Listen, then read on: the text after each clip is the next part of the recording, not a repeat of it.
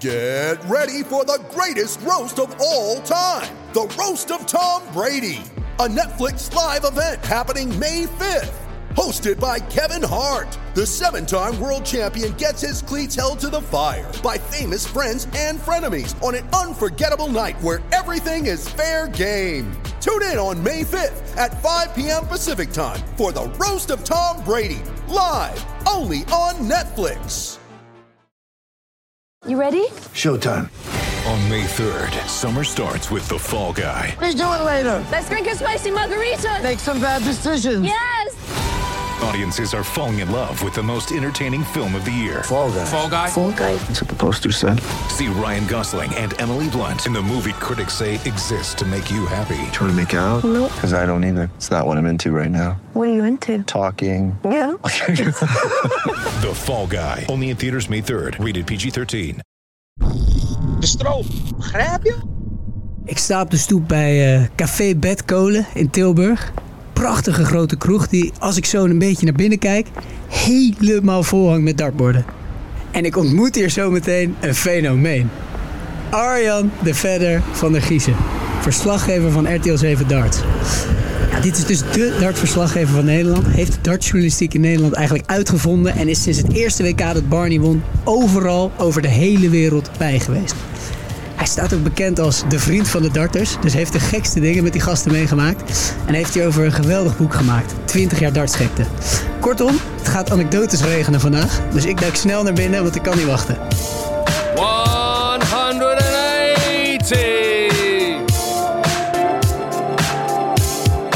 Hey, ik kan het niet begrijpen. Iedereen houdt toch van die pijlen. Biljarten, schaken, veel te traag. Snel op lange op en darten maar. Spelers, fans, commentatoren. Hij lijkt je trippel zo hard over darten horen. Een pijl door alle harten. Want iedereen houdt van darten. We gaan 180 linkerbaan. Trippelt zo hard als toegestaan. We gaan 180 linkerbaan. Zuig daar maar een puntje aan.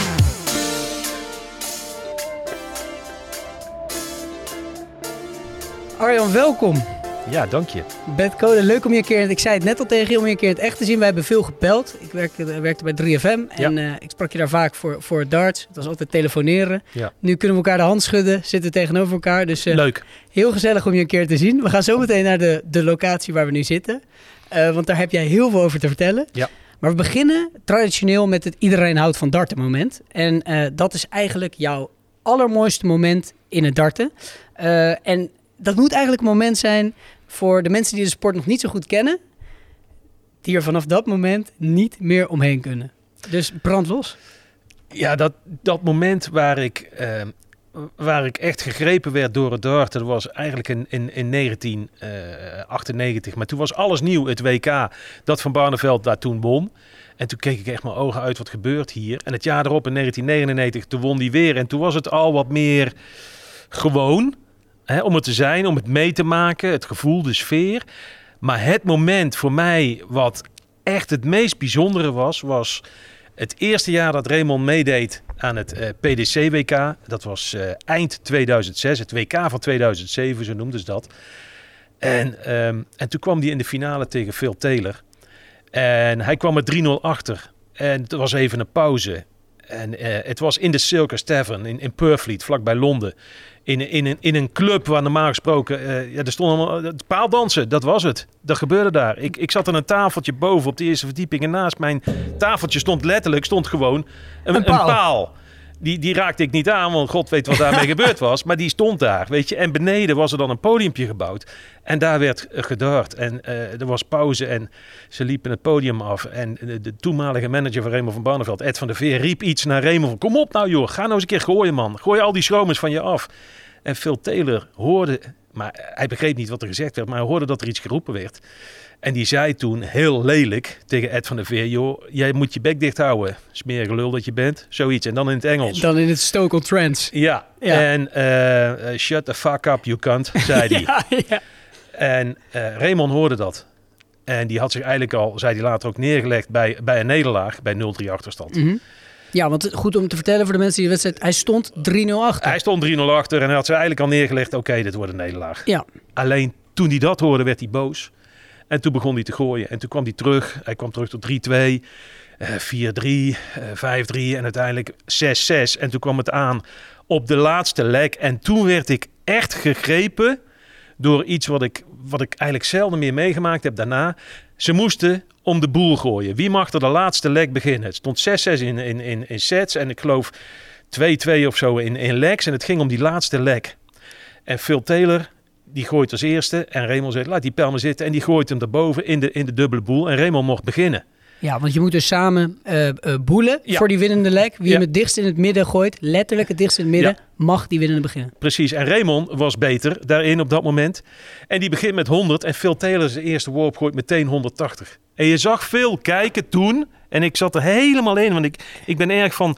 Kijk, ik zie alles op tv. Maar ik zit continu naar die gezichtsuitdrukkingen te kijken van mensen. Je zag de ogen. Phil keek naar hem. Zo vriend, ik heb je te pakken. En jij weet het en ik weet het ook.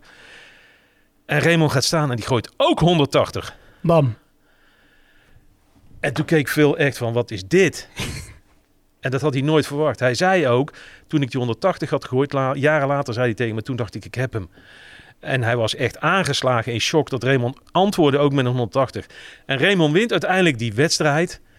En de, de, de ontlading in de persruimte zat hem er vooral in dat ik zat er als enige met mijn cameraman. En de rest waren allemaal Engelsen. En bij iedere goede worp van Phil Taylor werd er gejuicht door de Engelsen. En iedere keer als Raymond iets moois deed, dan zaten mijn cameraman en ik zaten te juichen. En dat ging tegen elkaar op. Dat was een leuk spel. En tot de laatste lek dat Raymond hem uitgooit. En wij stonden te juichen van hij is wereldkampioen. Het was echt iets, iets ongelooflijks. De grote Phil Taylor in je eerste WK verslaan bij de PDC.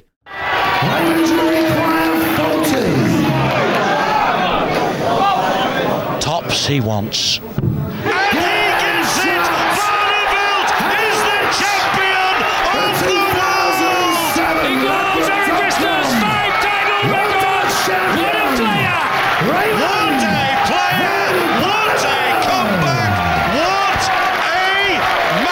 Arjan stroopt hier zijn eh, mouwen op in Café Bedkolen. Eh, Kippenvel? Kippenvel. Zie je, zie je de haren Ik, staan? ik zie ze recht overeind staan. ik, ik was erbij. Eh, ehm, Russ Bray was de caller. En, en Raymond He Requires 40. En Ja, de caller, de, de, de man die alles omroept. Ja, Russ Bray. En, en eh, had toen nog haar. maar de stem was al hetzelfde. Eh, Het rokerige. precies. En, en, en Raymond gooit 40 en doet dus het ondenkbare. Het Hij ondenkbare. Hij verslaat, de Phil Taylor. allerbeste darter Ooit. ooit. Die Ja. verslaat hij. En, en, en, heel cool handschudden was het van Phil Taylor en Raymond van Barneveld. Phil was er echt doodziek van. Ja. En, eh, en, en, en Raymond zei tegen Ed van der Veer, kom het podium op. En die stonden daar samen een feestje te vieren. Later hadden we natuurlijk een interview met Raymond. En in de jaren heen was mijn relatie met Raymond was al gegroeid tot, tot, tot, tot gewoon pure vriendschap. Ja. Dus ik, ik was uitermate... eh, het was voor mij een moeilijk moment om mijn emoties in te houden. Omdat ik wist wat het betekende, ook voor hem. Hij had al zo vaak verloren van Phil Taylor. En dan nu je eerste PDC-WK en dan van Phil winnen. Zijn mooiste zegen ooit. Ja. Wist ik, wist hij, wist iedereen die van darts houdt en die er iets van wist. Dus je werd gegrepen door wat daar gebeurde op het podium. Die ogen, die blik, die passie, die, die, die, dat fanatisme. En de spanning, denk ik. Precies. Oh, Je hoeft te, als ik je goed begrijp, maakt het dus niet uit of je van dart houdt of niet. Als je dit zag en de spanning maar Juist. enigszins begreep, Juist. dan werd je gek. Dan werd je gek. Ja, en, dan ging je van de dart En houden. dat werden wij ook. Ja. En wij logeerden destijds in het, eh, in het Hilton Hotel, eh, net aan de andere kant van Dartford. Je hebt, bij Dartford ligt de Thames, hè, de Thames. En daar kun je of onderdoor met een tunnel of van de andere kant er overheen met een grote brug. En dat is nog steeds zo. En eh, wij logeerden daar. En s s'nachts om, om half drie ging mijn telefoon. Raymond. Arjan, kom je nog even naar mijn kamer toe? En toen hebben we de traditie voortgezet die eigenlijk is begonnen in, eh, ik meen 1999. Eh, toen hebben we samen bij Raymond op zijn kamer, hij had de frituurpan meegenomen. Hij toen nam, was die, hij nam altijd een frituurpan mee naar nou de ja, toernooi. in de, eerste paar jaar wel. Eh, in 2006, toen hij wereldkampioen werd, toen niet met Phil Taylor. Toen hebben we de hapjes besteld. Maar daarvoor in de Lakeside, Raymond zijn frituurpan op een heel klein balkonnetje. Het was meer dat, dat die frituurlucht een beetje naar buiten ging. Ja.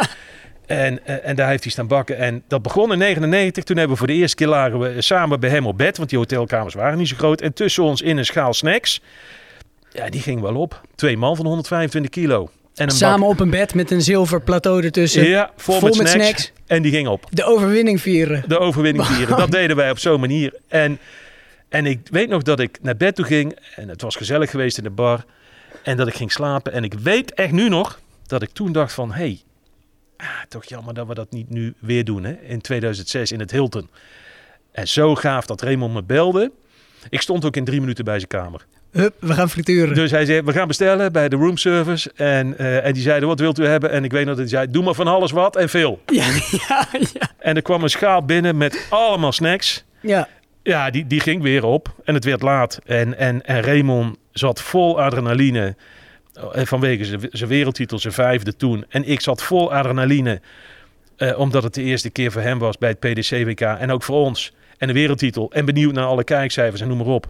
Ja, Twee mannen vol adrenaline aan de snacks. magisch moment. Maar even eh, terug naar het begin van deze vriendschap. Want je noemde het al, ja, die vriendschap was groter geworden tot Ja. dit favoriete moment. Ja. Dat is begonnen op de plek waar we nu zaten. Sterker nog, Ja. daar hebben jullie ook de eerste maaltijd samen gegeten. Ja, eten Eh, was wel altijd een rode draad. Eten was een mooie draad. Ehm, ja, jij kwam hier net binnenlopen voor de podcast. Ja. Wij gingen naar de plek waar jij Barney voor het eerst hebt zien spelen. Ja, Volgens mij kwam het kippenvel toen ook al. absoluut. Absoluut. Want vertel, En, eh, vertel de- hoe, de- de- waarom wilde je hier, hier afspreken? Omdat het hier is begonnen. In, in 1995 eh, verloor Raymond van Barneveld eh, op het WK bij de BDO in Infinity Green. eh verloor de finale van Richie Burnett. En eh, waar we nu zijn bij Bed Kolen in Tilburg. dat was een, een, een café, een volkscafé met ook een zalencentrum daarbij. Dat lag letterlijk, ik zat op de Academie van Journalistiek, dat, is hier, dat was hier toen 250 meter verderop. Dus alle journalistenfeestjes werden hier gevierd. Omdat Max met zijn vrouw destijds Wilma en nog wat personeel, die verzorgde ook de hapjes in de kantine bij journalistiek. Dus alle feestjes waren hier. En Max sprak mij op een van die De feestjes baas aan. van... De baas van eh Bert Kolen, eh, inmiddels al wat jaren overleden helaas. Die sprak mij aan en die zei, oh Jan, binnenkort wordt er hier een rematch gespeeld van die verloren finale, van die WK-wedstrijd, die finale, tussen Richie Bennett en Raymond van Barneveld. Ik zei, dat meen je niet, dat, dat, dat kan niet. En dat is, een rematch is een, een, een demonstratie. Echt Ja, een, een leuke maar wel, maar, ja, maar wel echt een wedstrijd. Ja. Het ging wel echt om het winnen. Ik zei, dat meen je niet. Ja, serieus, echt waar. Ik heb, ik heb beide managers gesproken en de, de contracten zijn getekend. Is dat niks voor jou om, om iets mee te doen? Waar Max wist, ik schreef destijds al voor de krant over sport. En eh, dus ik ben naar mijn toenmalige chef eh, gegaan, Tom van Nes. Ik heb dat voorgelegd bij hem en die zag dat helemaal zitten. En die zei, weet je wat, ga maar eerst een leuk voorverhaal maken. Dus eh, eh, op vrijdag toog ik naar Bed Kolen, wat voor mij een bekende route was. Ik woonde zelf in Tilburg, hier een kilometer vandaan. En ik ontmoette daar voor het eerst Raymond van Barneveld en Richie Bennett. Nou, Richie Bennett had niet zoveel te melden. Die, dat, dat gaf mij een beetje de indruk van, oh ja, ik kom hier naartoe en het is leuk een wedstrijdje en ik krijg er wat geld voor en verder. Het zal wel. Geld ophalen en weer Precies, pleiten. precies. Eh, heb ik later ook als een heel ander mens leren kennen hoor. Ik ben hem thuis geweest een paar keer en meerdere interviews. Dus een hele aardige gast. Maar deze dag was het vooral met Raymond. Precies. En deze dag. En, en, en, en ik zat met Raymond te kletsen en we hadden een interview. En dat interview dat ging, ja, dat liep maar door eigenlijk. Met hele verhalen die eigenlijk al voor de krant niet eens meer interessant waren. Maar we zaten gewoon lekker te kletsen. En toen kwam Max Zoontjes erbij en die zei, eh, nou mannen, volgens mij wordt het tijd om wat te eten. Ja, zeg Raymond, ik lus wel wat. Ik zeg, ik ook. Zullen we een shawarma schotel doen? Want dat was namelijk het vaste recept dat Ja, Max dat altijd bestelde. bekende prik, de, als ik het zo hoor. Ja, eh, al jaren niet meer, maar toen wel, toen ik studeerde. Ja. Als ik dan vier, vijf, half, eh, midden in de nacht, vier uur, vijf uur of half zes ochtends. Max kende nog een tentje wat open was. En er werd shawarma besteld en dat gingen we dan opeten. En daar zat ik met Raymond aan de shawarma schotel. Ja, en dat smaakte natuurlijk berengoed. Dat was de eerste keer dat wij samen iets aten, 1995. Daarna, het verhaal wordt gepubliceerd, pagina groot. eh, en, en een dag later was die rematch hier in die, in die zaal. Ja, want En- je hebt alles voor het, voordat het wedstrijdje was. Precies. De grote wedstrijd. Heb je het of, eh, opgeschreven. Precies. En, en we stonden er net even. En echt, als ik mijn ogen sluit, dan zie ik ze daar weer staan. En ik zie ze en ik hoor weer wat er gebeurt. Heel veel volk. Het zag blauw van de rook. In het hoekje waar ik je net aanwees, precies daar op die plek, daar stonden toen, 1995, ehm, februari, Raymond van Barneveld en Richie Bennett stonden een rematch te spelen. En dat was voor de eerste keer dat ik in aanraking kwam met darts. En toen werd ik er eigenlijk al door gegrepen, alleen ik had het zelf niet helemaal in de gaten.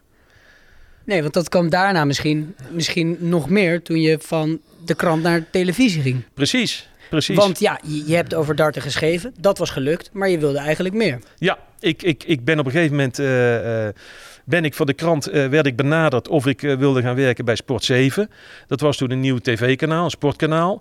Nou, da- daar is het helaas niet zo goed mee gegaan. Alleen op een of andere manier heb ik daar toch eh, eh, wat schijnwerpers op me gekregen. En dat SBS mij benaderde met de vraag: wil je bij ons komen werken bij Hart van Nederland? En dan dat je vooral bezig bent met sport. Nou, leuk. En zo kwam het dat ik in 1998 eh, zat te kijken op de BBC naar, naar het darten. En dat ik dacht, ja, weet je, Raymond van Barneveld zat er nog in, Roland Scholten zat er nog in. Ja, ik wilde er eigenlijk naartoe om daar een reportage over te maken. En ik heb dat toen voorgesteld bij mijn eindredacteur van Hart van Nederland. En die zei van, ik vind het best. Dus ik heb mijn maatje van destijds, waar ik veel mee draaide, Paul Oberink, die nog steeds nu mijn cameraman is. eh, die heb ik gevraagd, kun jij mee? Ik kan. En we zijn in de auto gesprongen Hop. via de kanaaltunnel naar Frimley Green. Nou, echt zoeken. Ik bedoel, navigatie was er toen nog niet. Dus het was, het was, het was echt zoeken. En op een gegeven moment eh, gevonden. En naar binnen zeer hartelijk ontvangen. En Raymond speelde tegen Steve Beaton de kwartfinale. Ik weet het nog goed. En, en die versloeg hij met 5-0. En na afloop eh, zei hij van... eh, nou, trek nog maar een blik Engels open. Ik vreet ze allemaal op. Dat waren natuurlijk geweldige teksten. Dat was, dat was een beetje brani. Dat was een Ja. beetje bluff. Het was een beetje arrogantie. Maar het, het was fantastisch om te horen. En het leuke was op het moment dat ik daar binnenkwam... en Raymond zag mij en ik zag hem... dat hij zei... "G- Gaaf dat je er bent. Gaaf dat je er bent. Ik heb altijd al zitten denken van wanneer zou die weer een keertje komen hè, naar Darten. Leuk dat je er bent, tof. We moeten dadelijk wel een hapje, Ja, hapje eten. ja. Ik zei ja, dat klopt, maar ik denk niet dat ze hier shawarma hebben. Nee, zit hier, maar er zit hier een hele goede Chinees. Dus de traditie werd verlegd van shawarma naar Chinees. Wat goed, en toen, dus die reportage werd, werd gemaakt, Ja. maar op een gegeven moment moest het ook live op Ja. televisie komen. Nou, ik ben toen teruggereisd naar die reportage. eh, echt s'avonds later, midden in de nacht, eh, eh, naar Nederland toe.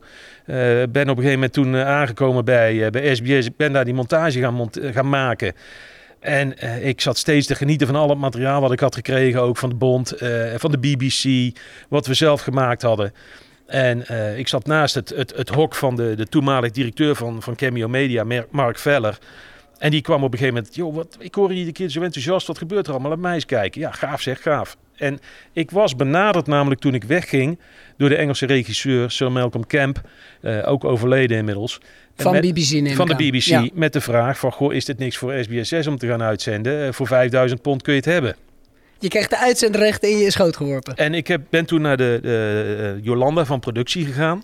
Gezegd, dit en dit is mij verteld. De Jolanda is naar boven gegaan, naar de directie van SBS. Met het verhaal van, goh, dit is een mogelijkheid. Dat als we willen, kunnen we dat kopen.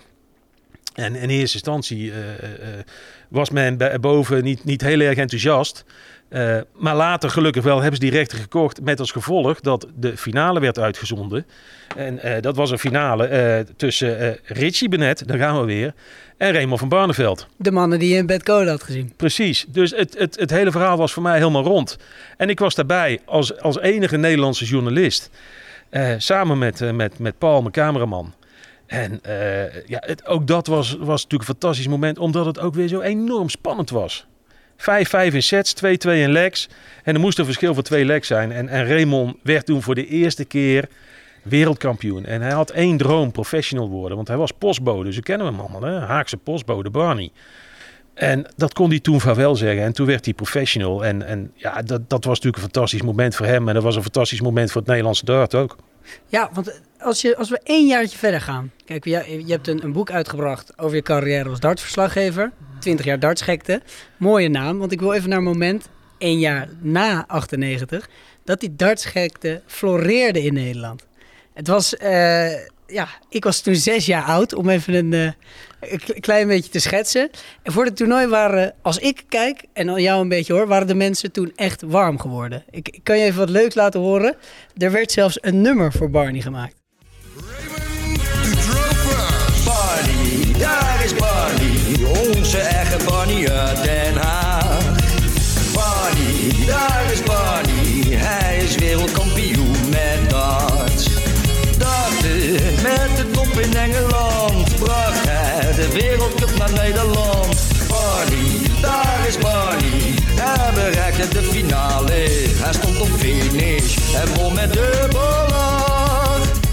Ja, dit, dit gaat dan over het vorige toernooi. Ja, dit de was in dubbel acht. 1998. Toen finishte hij met dubbel 8. Precies, het gaat over het vorige toernooi. Dus de mensen waren al warm. Er was al muziek over hem. Ja. En wat ik ook mooi vond was, zoals we bij het voetballen 17 miljoen bondscoaches hebben, eh, kwamen hier ook de eerste analyses van de fans. De psychologie van de koude grond. En je hebt de gebroeders de Gier, zo Ja. heten de mannen die dit nummer hebben gemaakt. Absoluut. Die worden op een gegeven moment ook geïnterviewd. En die hadden wel een verklaring voor het succes van Barney. Nou, we hebben vroeger met Ray een aardig pijltje gegooid. alleen eh, ja, alleen eh, hij had wat meer tijd om te oefenen dan wij. Wij zitten een beetje in de huizen en in het gat en zo. Dus eh, je moet andere dingen doen. En hij heeft zich eigenlijk gewoon opgewerkt naar de grote kampioen. We En wij hadden beter postbode kennen worden. Ja. Want dan hadden we gewoon smiddags vrij gehad. En dan hadden we ook gewoon die pijltjes kennen gegooid. En buiten dat, dan leer je het al. Want dan moet je die post ook al sorteren. Dus je begint al in die vakjes te gooien. Ja, en daarna moet je gewoon steeds weer finishen in die brievenbus. Kijk, en wij hebben dat nooit mee kunnen maken. Ja, dat is toch briljant. geweldig? Dat is briljant. Gewoon, je wordt beter omdat je postbode bent. Dan ben je het al gewend om in vakjes te bikken. Ja, dat is briljant. Ik, ik heb de mannen ook regelmatig gesproken. Ja? En ook gefilmd dat we in Den Haag waren. Toen echt Hagenezen geweldig. Geweldig Ik bedoel, het accent is Ja. al heerlijk om Maar te hoe horen. was dat om hun te interviewen? Ja, fantastisch. Maar het was, het was altijd bij hun een, een, een en een geintje. Het, het was nooit helemaal serieus. En dat Nee. maakt het ook zo onvoorspelbaar. Want Ja. ik wist nooit precies wat gaan ze nou zeggen. Dus je moest heel alert zijn op wat ze zeiden en daarop reageren. Erg leuke gasten. Nice. Erg leuk. Lang niet meer gehoord of gezien, maar Nou, erg leuk. leuke gasten. Ehm, maar als je dan even naar dat toernooi, dus eerste wereldtitel 98, tweede wereld 99. Waarom ging Nederland opeens veel gekker eh, op wat er allemaal gebeurde met Barney? Moesten ze aan wennen? Of? Nou, in, in, in 98 toen eh, hadden we 1,1 miljoen eh, kijkers. En het bleek dat heel veel mensen heel snel gegrepen werden door het darts. En waarom? Ehm, bij willekeurig welke andere sport dan ook, zie je nooit zo'n close-up van iemand zijn gezicht als bij het darten. Dat is altijd in een splitscreen. Je ziet het bord en je ziet iemand zijn gezicht en je ziet die hand zie je bewegen. Ja, het zweet zie je ook. Precies. En je, zag dus bijna, je kon bijna in iemands ogen kijken, in, in zijn geest, van wat gebeurt daar in dat hoofd. De spanning, alles. En, en, en het bleek dus dat mensen gegrepen werden door die spanning in 98. In 99 dook de pers er veel meer op. Ja. Ik bedoel, AD was erbij, Telegraaf was erbij. Je was niet meer de enige. Nee, ik was niet meer de enige. Ik bedoel, allerlei eh, journalisten uit Den Haag die ook kwamen. Want hé, hey, eh, Raymond was titelverdediger. Dus er werd overal over geschreven. Radio, iedereen had het erover. En toen kregen we dus uiteindelijk opnieuw een climax met Raymond van Barneveld in de finale. RVB tegen RB was het Richie Bennett in 98. En RVB tegen RB werd het opnieuw in 99, namelijk tegen Ronnie Baxter. En Jij, dat- was, dat- jij was overal bij. Ja, dat was, dat was Wat gebeurde er allemaal toen? ehm, Vanaf het moment dat hij die laatste pijl erin rachte en de tweede titel won. Eh, eh, ik, ik weet nog dat eh, Ronnie Baxter had altijd zo'n eeuwige grijns op zijn gezicht. Want die, gooide, die was heel goed op tops. En hij kreeg een kans voor tops om, om Raymond stond voor met 3-2 en Lex. Ja, de dubbel 20. Precies, Ja. die miste die en Raymond gooide toen uit. En, eh, en die werd toen voor de tweede keer wereldkampioen. En dan moet je je voorstellen, dat, natuurlijk, je wordt dan geleefd hè, als, Mhm. als de, de darters op het podium. Dus eerst naar de BBC voor een interview, want dat zijn de rechtenhouders. Vervolgens kwamen ze bij SBS. Vervolgens gingen ze door naar alle andere pers. En overal moest je je woord doen. Maar dat mocht allemaal niet te lang duren, want dezelfde avond was er nog een buffet in een zaal daarnaast. En daar, was, daar stond fantastisch eten. En daar werd je ook geacht om een, om een speech te geven. En Raymond zijn eerste jaar ja, had hij helemaal niet verwacht dat hij wereldkampioen zou worden. En toen stond hij daar in, in een, in een ja, met alle respect, zo'n soort van shabby jasje, colbertje van, van de CNA. Waar mensen van zeiden, nou ja, ja die Engelsen, je, ja, dit soort heugelijke, feestelijke momenten, dan moet je er toch wel een beetje chic bij staan. Dat, dat was niet helemaal. Ben je wereldkampioen, kom je hiermee aan. En Raymond dacht, dat gaat me niet nog een keer gebeuren. Dus de tweede keer had hij een pak op maat laten maken. En dat had hij ook aan. Dus, en hij had een fantastische speech. En ik zal nooit vergeten waar hij, waar hij mee eindigde. Hij zei namelijk, and remember, the postman always wins twice. Mooi. Dat was mooie beeldspraak. Die Engelsen lagen helemaal dubbel. Die klapte. Raymond was de nieuwe dartsheld. En iedereen wist van, dit is een grote. En die gaat de darts nog groter maken. En niet alleen in Nederland, maar ook voor ons. Nou, eh, het is allemaal afgelopen. Eh, Ik heb met Raymond nog een hapje gegeten eh, in die zaal, wat gedronken. De speeches waren klaar. Iedereen taaide hem af, zeg maar, naar de bar van het hotel. En daar zaten we. Ik zat naast Raymond en Sylvia zat erbij. En mijn cameraman zat Sylvia erbij. zijn vrouw? Zij, Ja. Toen zijn vrouw, ja.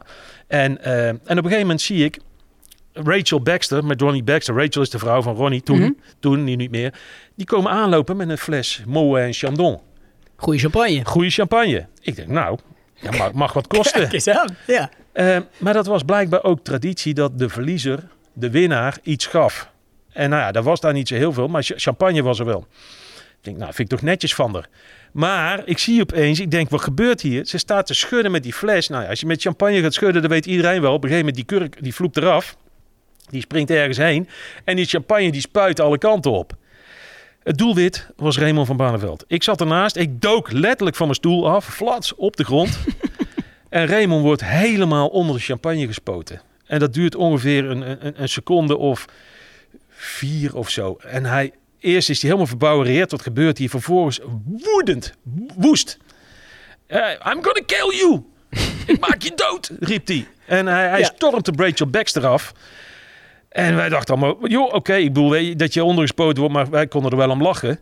Nou, ik sprong ertussen, nog een paar mensen ertussen. En ik zei, joh, Raymond, rustig. Ja, mijn pak is helemaal naar de kloten. Godverdomme. En ik heb over een paar dagen een huldiging in Den Haag. Wat denkt ze wel, die trut? Ik maak het dood. Ik zeg, joh, maar het is echt de champagne, dat vlekt niet. Oh, oh, weet je het zeker? Ja, dat weet ik zeker. Toen werd hij wat rustiger. Maar goed, zijn, pak zat onder de champagne. Een dag later eh, vertrekken wij eh, met z'n allen eh, met een grote limo naar, naar Heathrow. En eh, we, we mogen in het vliegtuig mogen we filmen. En, en Raymond staat daar in zijn pak ook. En we filmen hoe die in de cockpit. En, en het was eh, de, de, Hallo Bonnie, 180 to Schiphol Airport. Zo ging dat. Alles was aangepast. was geweldig.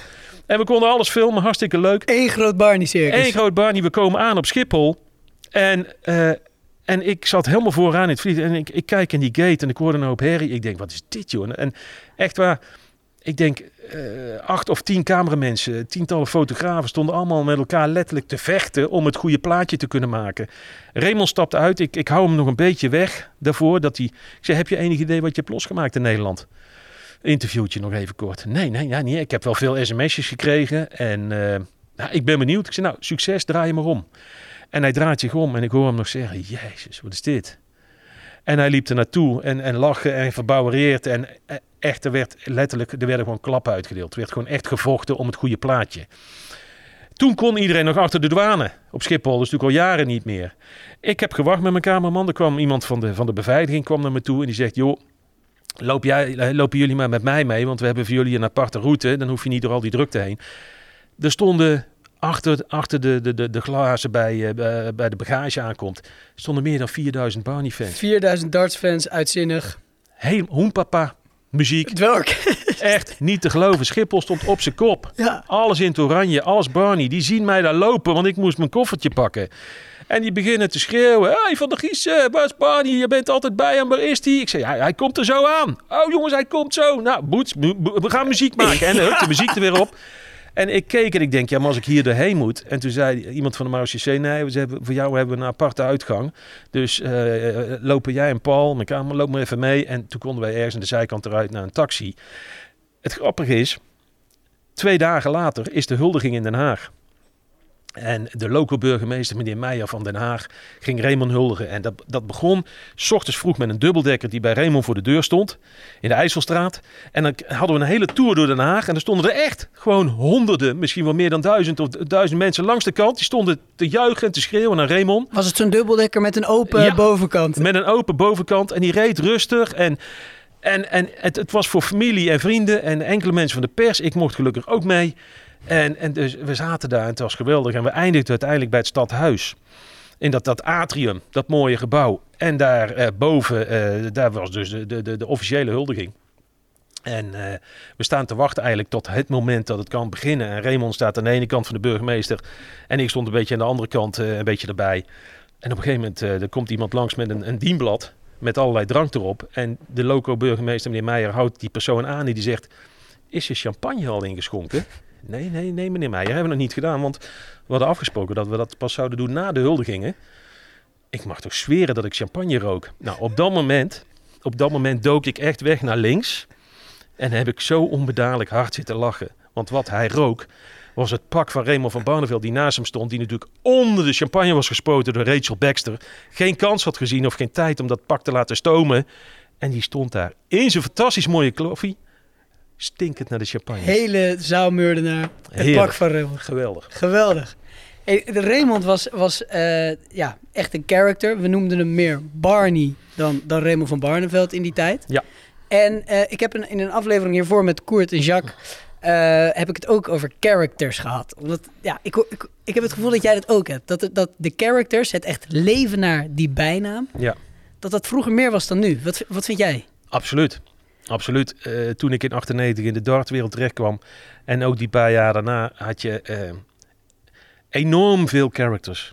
Eh, mensen die, die Andy Fordham, bijnaam de Viking, Eh, 1,80 meter, ruim 200 kilo, woest, lang haar, zag eruit als een viking. Soap, goed. Ja, dronk enorm veel. Echt enorm veel. Bobby George, Mr. Glitter. Was een en al glitter. Om, om iedere vinger zat een gouden ring. En had een gouden ketting van allemaal ringen. Waarvan hij altijd zei, ja, dat zijn allemaal ringen van mijn exen. Zei hij dan altijd lachend. ja. En vervolgens, dat was Mr. Mr. Glitter. Ik bedoel, eh, Wolfie, Martin Adams, die zag eruit als een wolf. Ehm, ehm, Ze waren helemaal, ze waren die bijnaam, de vlees geworden bijnaam waren ze. Ze waren Ja. het karakter geworden van, van wat ze eigenlijk als bijnaam hadden. Ted, Henky, de Count. Hè, de Count, de Graaf, Graaf Dracula, was helemaal, helemaal lijp van alles wat met Dracula te maken had. Kwam ook op het podium met allemaal vleermuisjes in het publiek gooiend. In een zwarte cape, met zijn shirt open tot aan zijn navel. Onder de tattoos, maar dat was met veel Engelsen. Maar het waren, het waren wel karakters, weet je. Het waren personen. Het was iets aparts. Terwijl nu mis ik dat steeds en steeds en steeds meer. Omdat het meer zakelijk is geworden. Het is professioneler geworden. En ik denk dat er een hoop darters ook nu zeggen, ik sluit het uit. Kijk, Peter Wright, die nog steeds eh, met zijn hanenkam, hè, snakebite, bij de opkomst van links naar rechts huppelt en weer terug. Even over deze huppelende man. Peter Snakebite Wright. Want dat is inderdaad wel een character. Hij is een van de beste spelers ter wereld. De nummer 2 van de wereldranglijst. Maar veel belangrijker nog, hij is ook een van de meest kleurrijke. Hij heeft elke wedstrijd een andere outfit aan en een andere kleur hanenkam. Afgemaakt met een grote plakplaat van een bijtende slang aan de zijkant van zijn hoofd. Vandaar de bijnaam Snakebite. De kunstenares achter dit alles is zijn vrouw. Elke wedstrijddag neemt hij bij haar plaats in de kapperstoel om zijn hoofd flink te laten bewerken. Hanenkam in de gel, alles kleuren en de zijkant van zijn hoofd laten verven. Dat soort werk. Soms zit hij daar wel vier uur lang en dan moet hij nog gaan darten. Zijn opkomst is geliefd bij de fans. Op een ontzettend fout nummer van Pitbull komt hij op en danst hij, zoals Arjan al aangeeft, van links naar rechts op het podium. Hij geeft echt een showtje weg. Maar sommige fans vinden dat hij te ver gaat in zijn outfits. Toen hij vorige WK voor de eerste wedstrijd volledig als The Grinch uit de bekende kerstfilm verkleed ging, schoot dat bij veel dartfans in het verkeerde keelgat. Hij was volledig in het groen gekleed en had behalve zijn hanenkam ook zijn baard en wenkbrauwen groen geverfd. Absoluut geen gezicht, wel heel grappig. Maar laat je vooral niet verblinden door zijn looks. Blijf hem in de gaten houden, want voor je het weet gooit hij al onze Nederlanders naar huis. Terug naar Arjan. Ja, dat is, dat is eigenlijk de enige Die character nog. Die nog helemaal een, een hele show om een bijnaam en niet alleen een bijnaam op zijn achter, achter op zijn shirt zet, Precies. maar echt een show weggeeft zoals vroeger. Ja, precies. Maar over die shows gesproken, Ted Henke hadden wij het eh, eh, een paar weken terug ook over. En eh, toen was daar ineens Ted Henke. Die had een hele, ja, best wel enge ook nog wel. Voor, voor kinderen was het niet zo geschikt. Maar het is ook best wel een enge man om te zien, toch? Zeker weten. Ja. Altijd Dracula. zweten. Graaf Dracula, ja. Altijd zweten. Maar, ook met, maar dan met een zwarte cape. Weet Ja. je, niet een witte zoals Bobby. Nee, een, een zwarte cape. En een heel macaber eh, man was dat Ja, hij deed zich echt voor als graaf, graaf Dracula. Als graaf Dracula, ja. Dat was me er echt eentje. Jij bent wel eens bij hem langs geweest. Ja, Ted Henke was, was een, een zeer apart persoon. Ehm, ik heb een keer een filmpje met hem gemaakt dat hij... eh, hij kwam altijd zeuren bij me, omdat hij, hij wilde in een filmpje spelen. Omdat hij heel snel door had dat op het moment dat wij filmpjes maakten van darters... dan werden ze populair in Nederland en dan kregen ze veel meer boekingen voor demonstraties. En boekingen Kijk. levert geld op. Ja. Dus Ted Henke, die hing iedere week wel bij mij aan de telefoon. Of je nog kon komen filmen. Hij zei, joh, bedenk nou eens een leuk filmpje voor me. En op een gegeven moment was er een toernooi in Den Haag. En toen had ik iets bedacht. En dan hadden wij in, in de kelder van een, van een café hadden we een rookmachine neergezet. En eh, eh, met hulp van, van, van Jacques Nieuwlaat. Die toen bij een, eh, eh, een bedrijf werkte wat ook eh eh, doodskisten dergelijke regelde. Ja. Hebben daar een kist neergezet, kaarsen eromheen. En Ted Henke ligt in die kist. En op het moment dat er een spot aangaat, komt hij, want dan is, gaat er licht branden.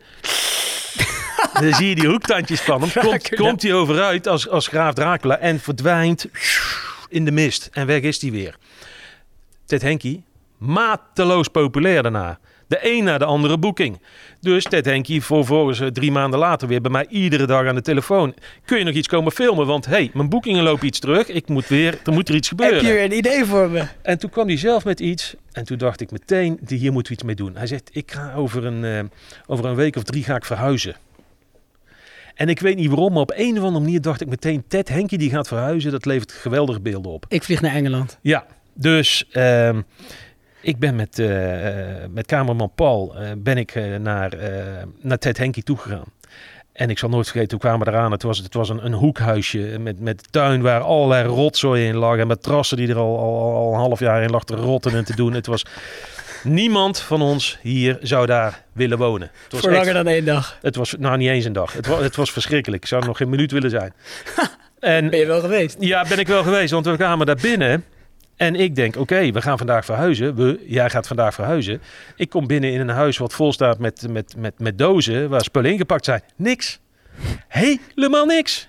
Ted lag gewoon op de bank? Of? Ted zat op de bank en die zette Eminem zet hij op, zijn favoriete band. Bats, knoerhard op de tv.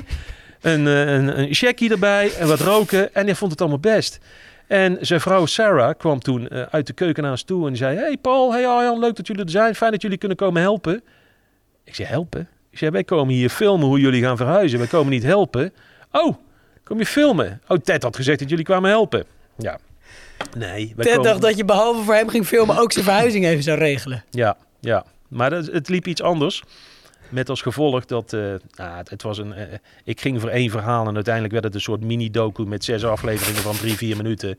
Daar is zoveel gebeurd. Hij liep te vloeken, hij liep te tieren. Gokken toch ook? Hij, op een gegeven moment zei hij, ik wil hier even weg, we moeten even naar het centrum. En toen liep hij het centrum in. En eh, met Sarah erachteraan. En toen liep hij bij Ledbrokes naar binnen en toen ging hij gokken. Kijk, Ted Henkie had één groot probleem, die was gokverslaafd. Had ook later zelf in zijn, in zijn, in zijn huiskamer had hij gewoon een gokkast staan. Die was gewoon gokverslaafd. Dat heeft hem uiteindelijk, heeft, is hij daar ook failliet aan gegaan. En eh, Sarah woedend, woedend. Van- Ted, Ted weer woedend op, op haar.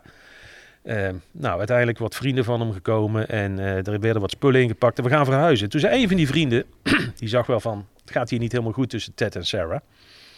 En die zei, zullen we eens even naar het nieuwe huis toe gaan? Gaan we gewoon even kijken. Oh, zei Ted, dat is een goed idee.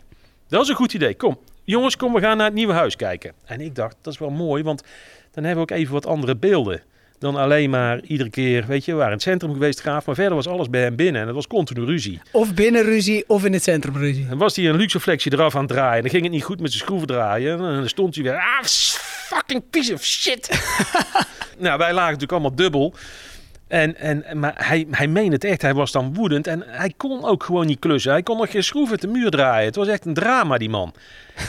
en we lopen naar zijn nieuwe huis.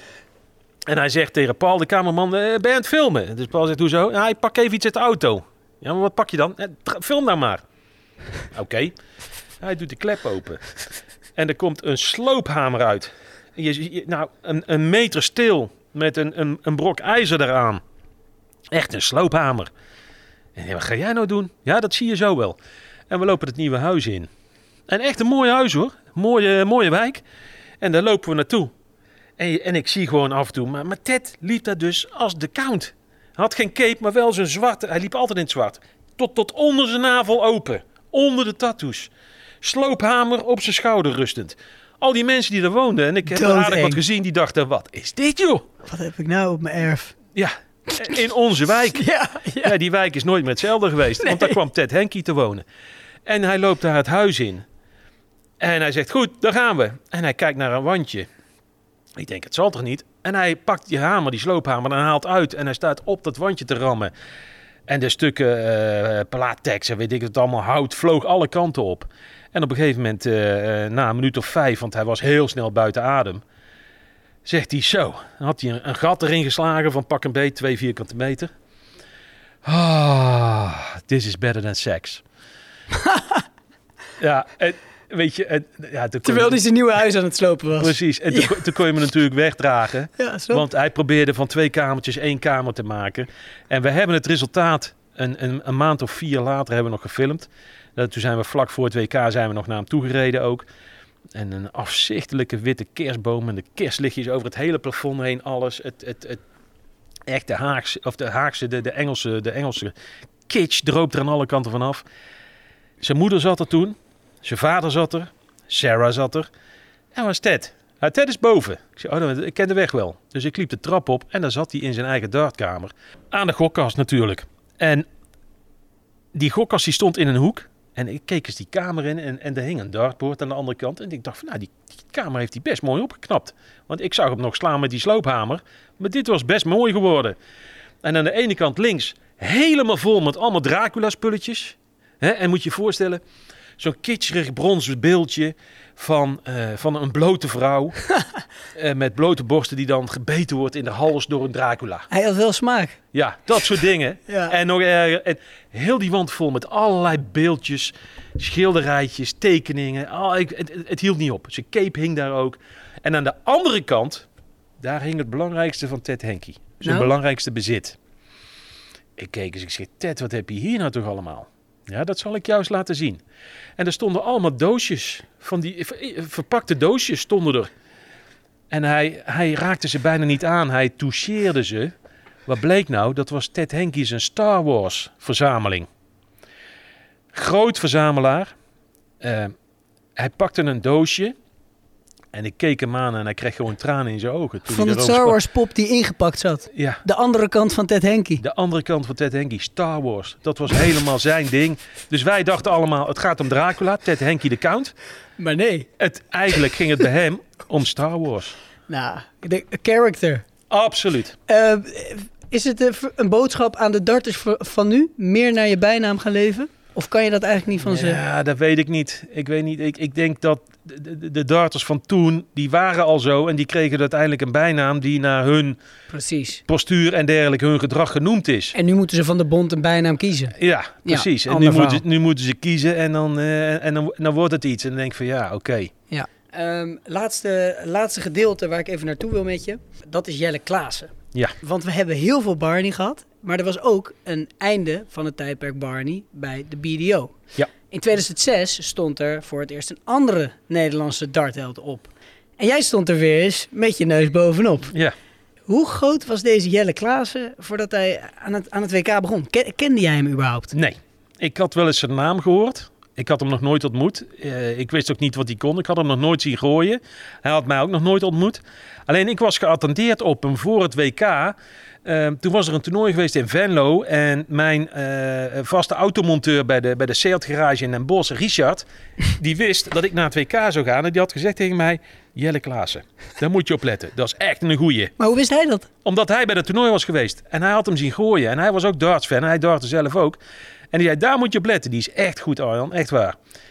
En ik kom dus in Friendly Green. En voorafgaand aan het toernooi, dan loop je altijd even bij de boekies langs. En dan kijk je wie, wie is de favoriet. Gokje wagen. Eh, misschien een gokje wagen. En ik zie daar staan Jelle Klaassen om het toernooi te winnen. 100 tegen 1.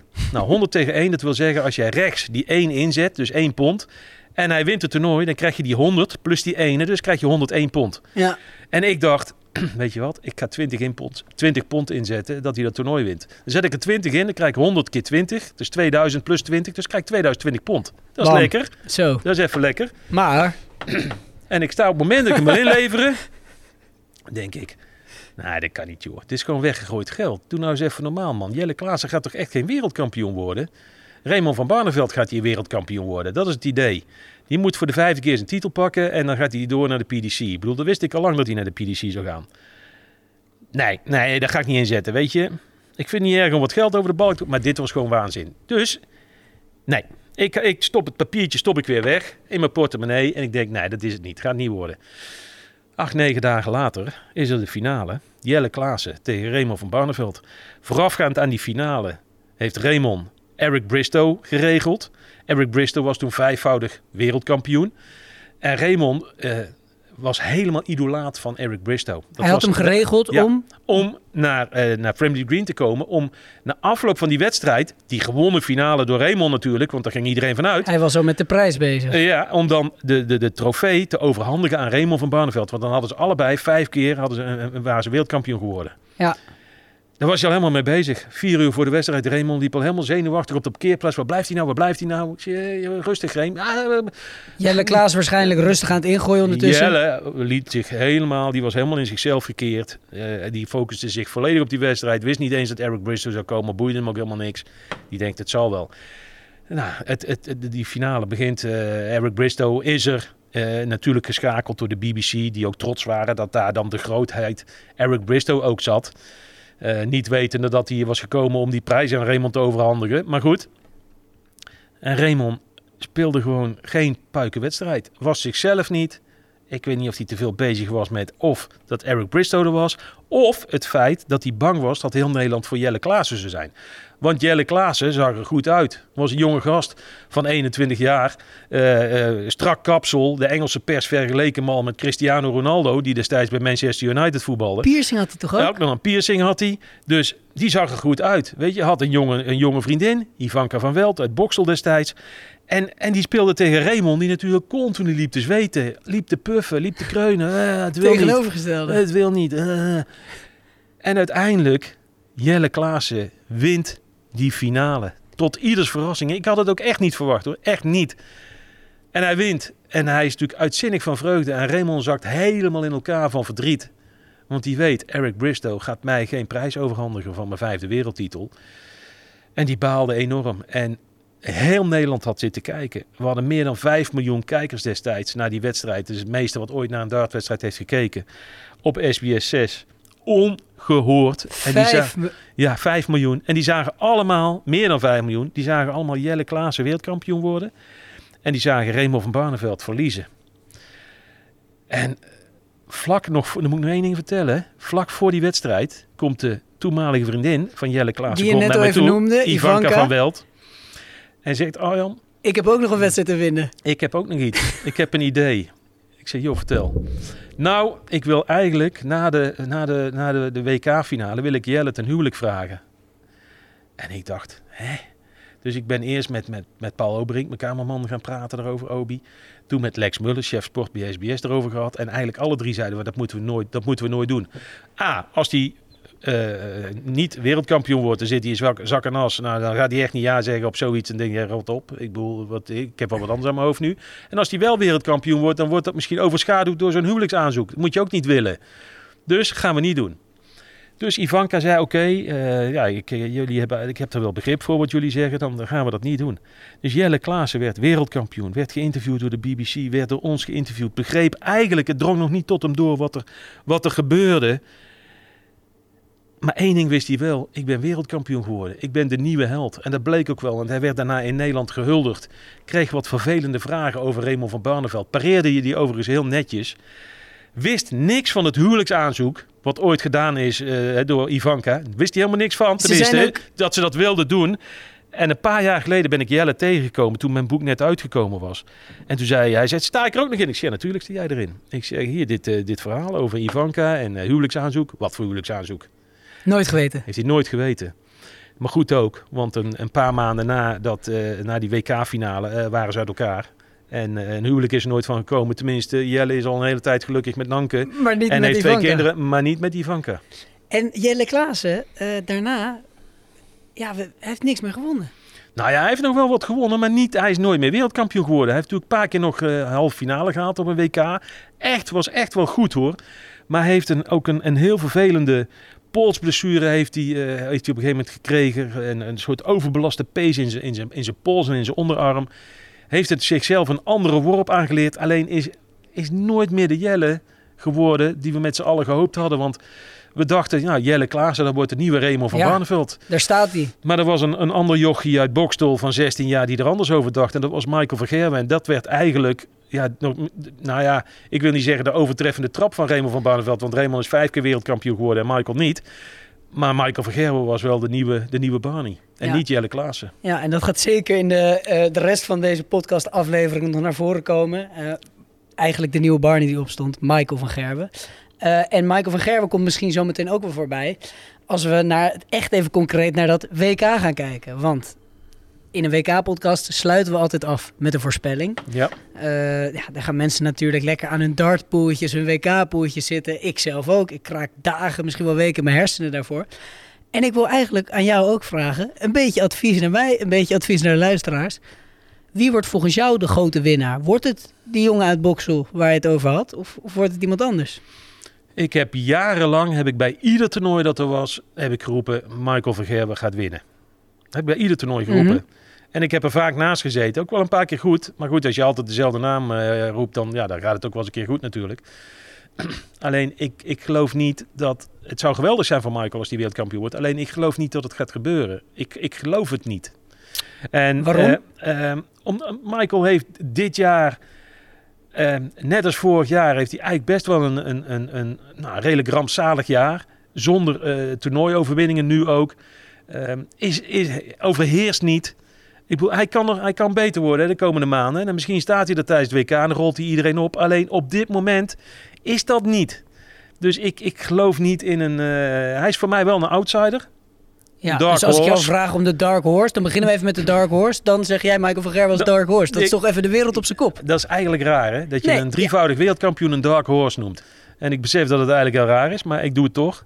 En, Laat het eh, hopen. En, en, en, en eh, ja, voor mij zijn er eigenlijk twee, eh, misschien wel drie personen redelijk eh, favoriet om wereldkampioen te worden. Ik Je moet noem- kiezen. Ja, ik weet. Ik, ik, ik noem ze eerst alle drie. Ik, en dan noem ik Peter Wright, Garen Price en Nathan Espinol. En als ik van die drie moet kiezen, ben ik geneigd om te gaan voor Nathan Espinol. De oude keeper van Manchester United. De oude jeugdkeeper van Manchester United. Omdat hij, het, qua karakter is hij zo sterk. Hij heeft, hij heeft ballen. Hij heeft geloof. Hij heeft lef. En hij heeft vooral vechtersmentaliteit. Eh, en, en ik denk dat hij vooral daarom enorm gevaarlijk is. Heeft al eh, een paar keer halve finale gehaald bij een WK. Ik zie in hem een toekomstig wereldkampioen. Of, ja, of dat jonge- dit keer gaat gebeuren, weet ik niet. Is ook van een jonge generatie, een nieuwe jonge, generatie. jonge, leuke gozer. Mateloos populair bij het Engelse publiek. Ja, natuurlijk fantastisch opkomstnummer met eh, Ja, Mr. Brightside van de Mr. Killers. Brightside gaat helemaal los. Het, ik bedoel, het eigenlijk het leukste opkomstnummer van iedereen. Als Ja, dat vind is, je? Ja, eh, als, als, als hij opkomt, dan zingen mijn cameraman en ik luidkeels mee.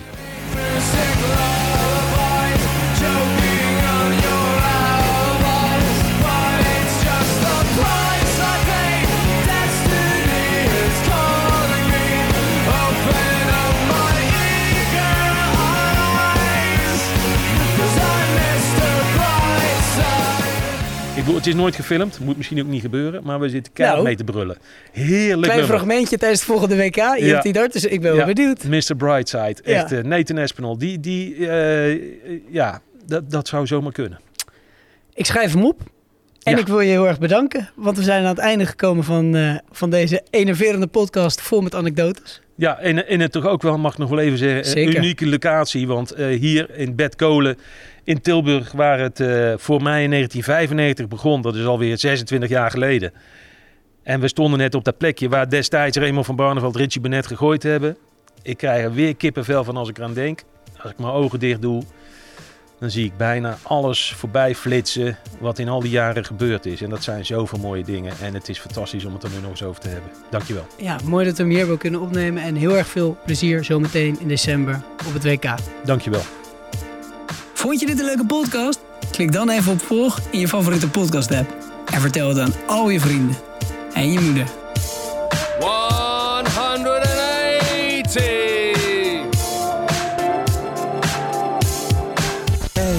Ik kan het niet begrijpen. Iedereen houdt toch van die pijlen. Biljarten, schaken, veel te traag. Snel op lange op en darten maar. Spelers, fans, commentatoren. Hij lijkt je trippel zo hard over darten horen. Een pijl door alle harten. Want iedereen houdt van darten. We gaan 180 linkerbaan. Trippelt zo hard als toegestaan. We gaan 180 linkerbaan. Zuig daar maar een puntje aan.